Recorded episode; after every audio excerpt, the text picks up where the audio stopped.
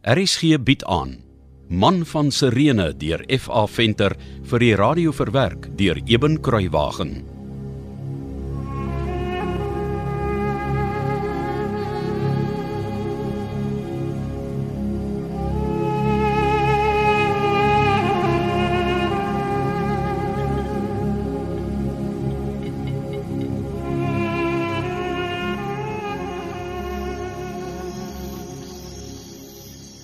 Het nie een van julle geglo nie. Nie nie eers 'n bietjie nie. Nie een van ons nie. Maar Simon, my vriend, jy weet tog self. Is dit dan maklik om te glo iemand het uit die dood opgestaan? Nee, nee, dit is nie. En die meeste mense vir wie ek gevra het, het het gesê hulle kan dit nie glo nie, want dit is tog onmoontlik. En tot my skaamte moet ek erken, terwyl ons hier besig was om te eet en te gesels oor die dood van ons meester, het ek ook nog nie geglo nie. Ek het gedink Maria Magdalena sien drogbeelde of sy probeer ons wys maak sy was nader aan die Here as enige een van ons. Ek is so skaam daaroor.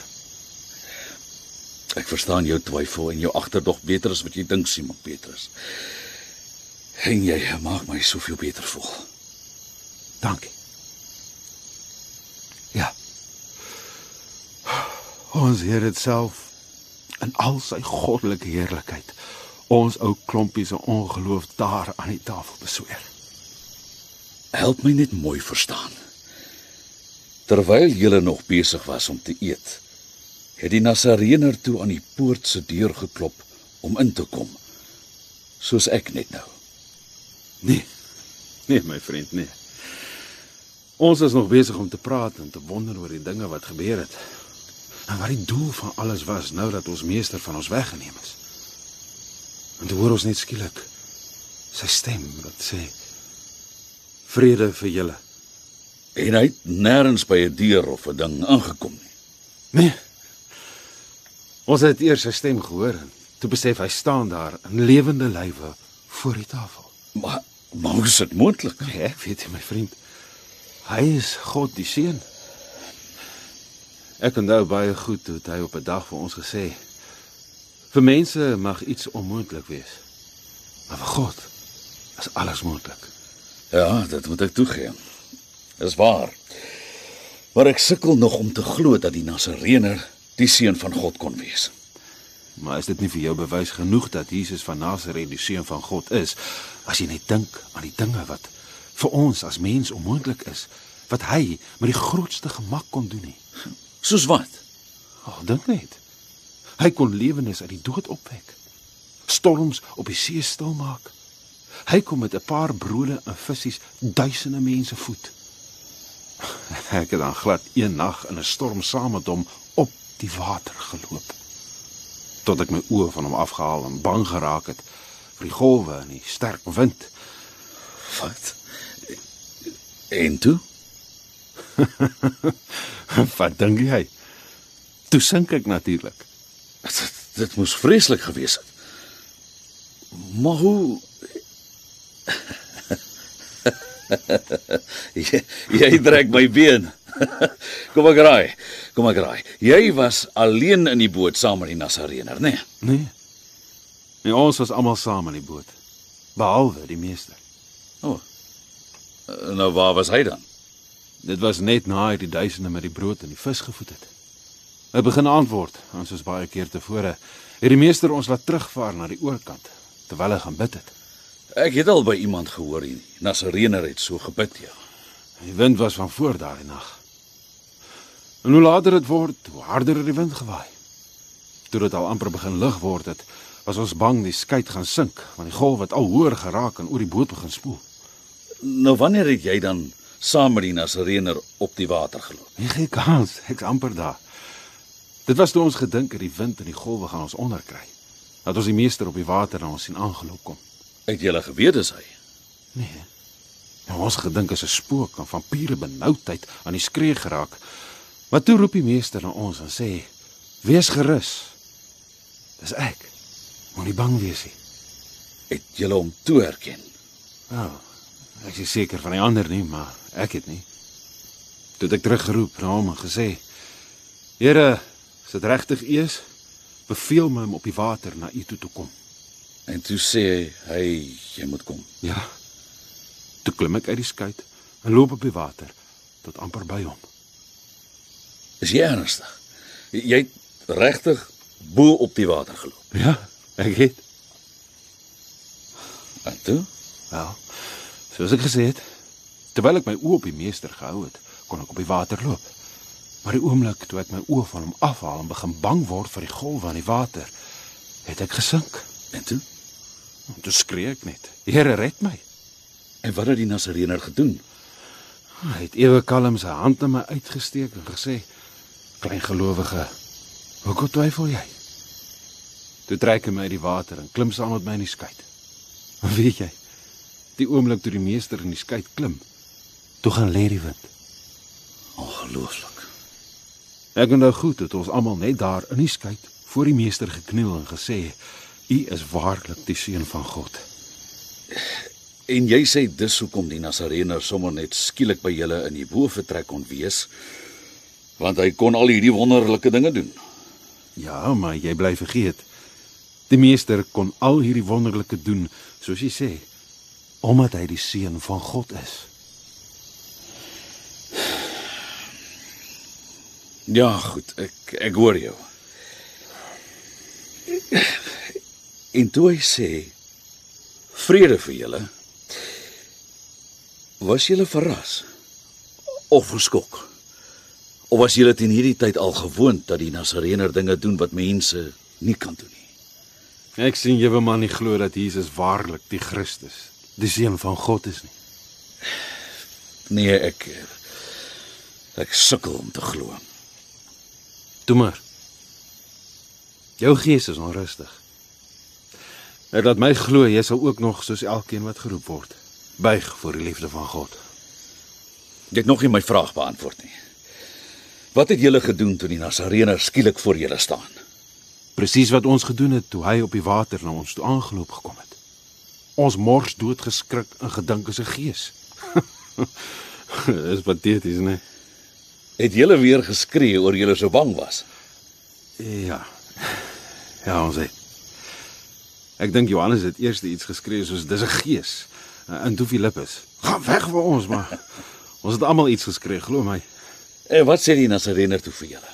Maar jy moet weet in daardie tyd het ons almal so ver as wat ons kon van die tafel af teen die muur gestaan. As ons kon het ons sekerlik deur die muur buitekant toe gevlug.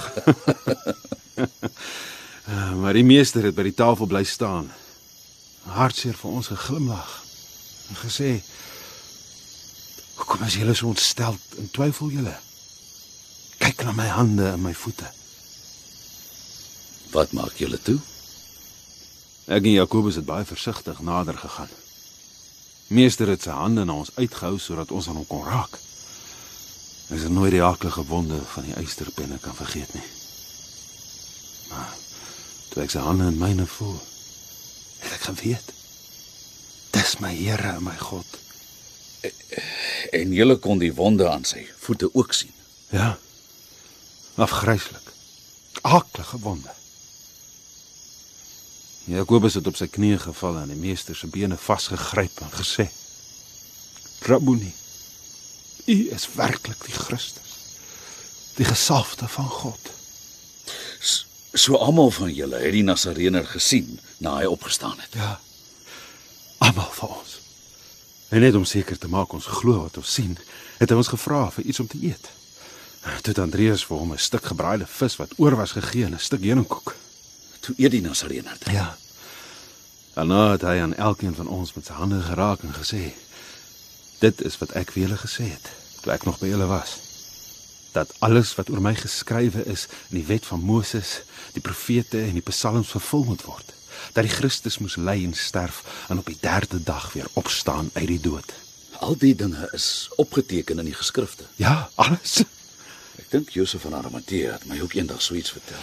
Maar toe die Here dit vir ons sê, was dit asof hy ons verstand vir ons oopgemaak het sodat ons kon glo. Daarna het hy vir ons gesê ons moet bekering en vergifnis van sondes in sy naam verkondig aan al die nasies, van Jerusalem af en oor die hele wêreld. En nou gaan julle dit doen. Ja. Dit is wat die Here se opdrag aan ons was. Ons moet dit doen. Maar dit is soos dit gebeur het vanaand. Nou hoef ek nie meer te twyfel nie. Jy bedoel jy glo nou heeltemal in die Nasaret? Ja. Ek worstel nie meer om te glo nie. Wat ek weet. Weet hy is die verlosser. Die seun van die lewende God. Nes die profete voorspel het.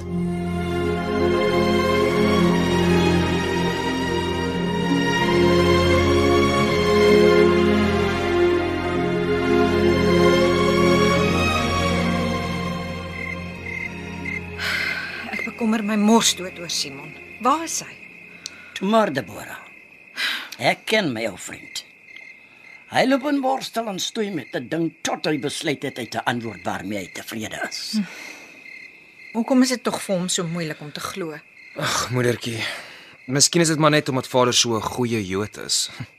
Hy het gesweer hy en sy huis sal die Here dien en vir hom beteken dit om die wet te onderhou. En die tradisies. Moet tog nie daarvan vergeet nie. Ja, tog die, die tradisies. Ek voel baie jammer vir Vader Simon. Hy is grootgemaak om die wet te onderhou, ja, maar ook om die vervulling van die profesie van die koms van die Messias te verwag. Dis tog al waarop die volk van Israel vandag hoop, is dit nie? Jy bedoel om die Romeinse juk af te kan gooi. Ja. Ag, julle moet arme Simon nie kwaadlik neem nie. Ek was maar tot die ander dag nog heilig oortuig die Messias sal kom om ons vry te maak van die Romeinse onderdrukking. Ja, maar met alles wat hy gesien en gehoor het. Wat meer het hy nodig om te verstaan dat daar meer is om te oorwin as die Romeine? Ek glo vader sal uiteindelik moet glo soos elkeen van ons aan wie die waarheid geopenbaar is. En my liewe Maria, ek dink jy het vanaand die eerste getuienis gebring wat vader nodig gehad het om te begin twyfel aan die waarheid van sy eie oortuigings. Dink jy so, Rufus? Ek glo so. Waarheen sou hy gegaan het? In die nag. Wie weet? Miskien soek hy na iemand met wie hy kan gesels. Soos wie? Ek weet nie. Miskien Josef van Arimatea.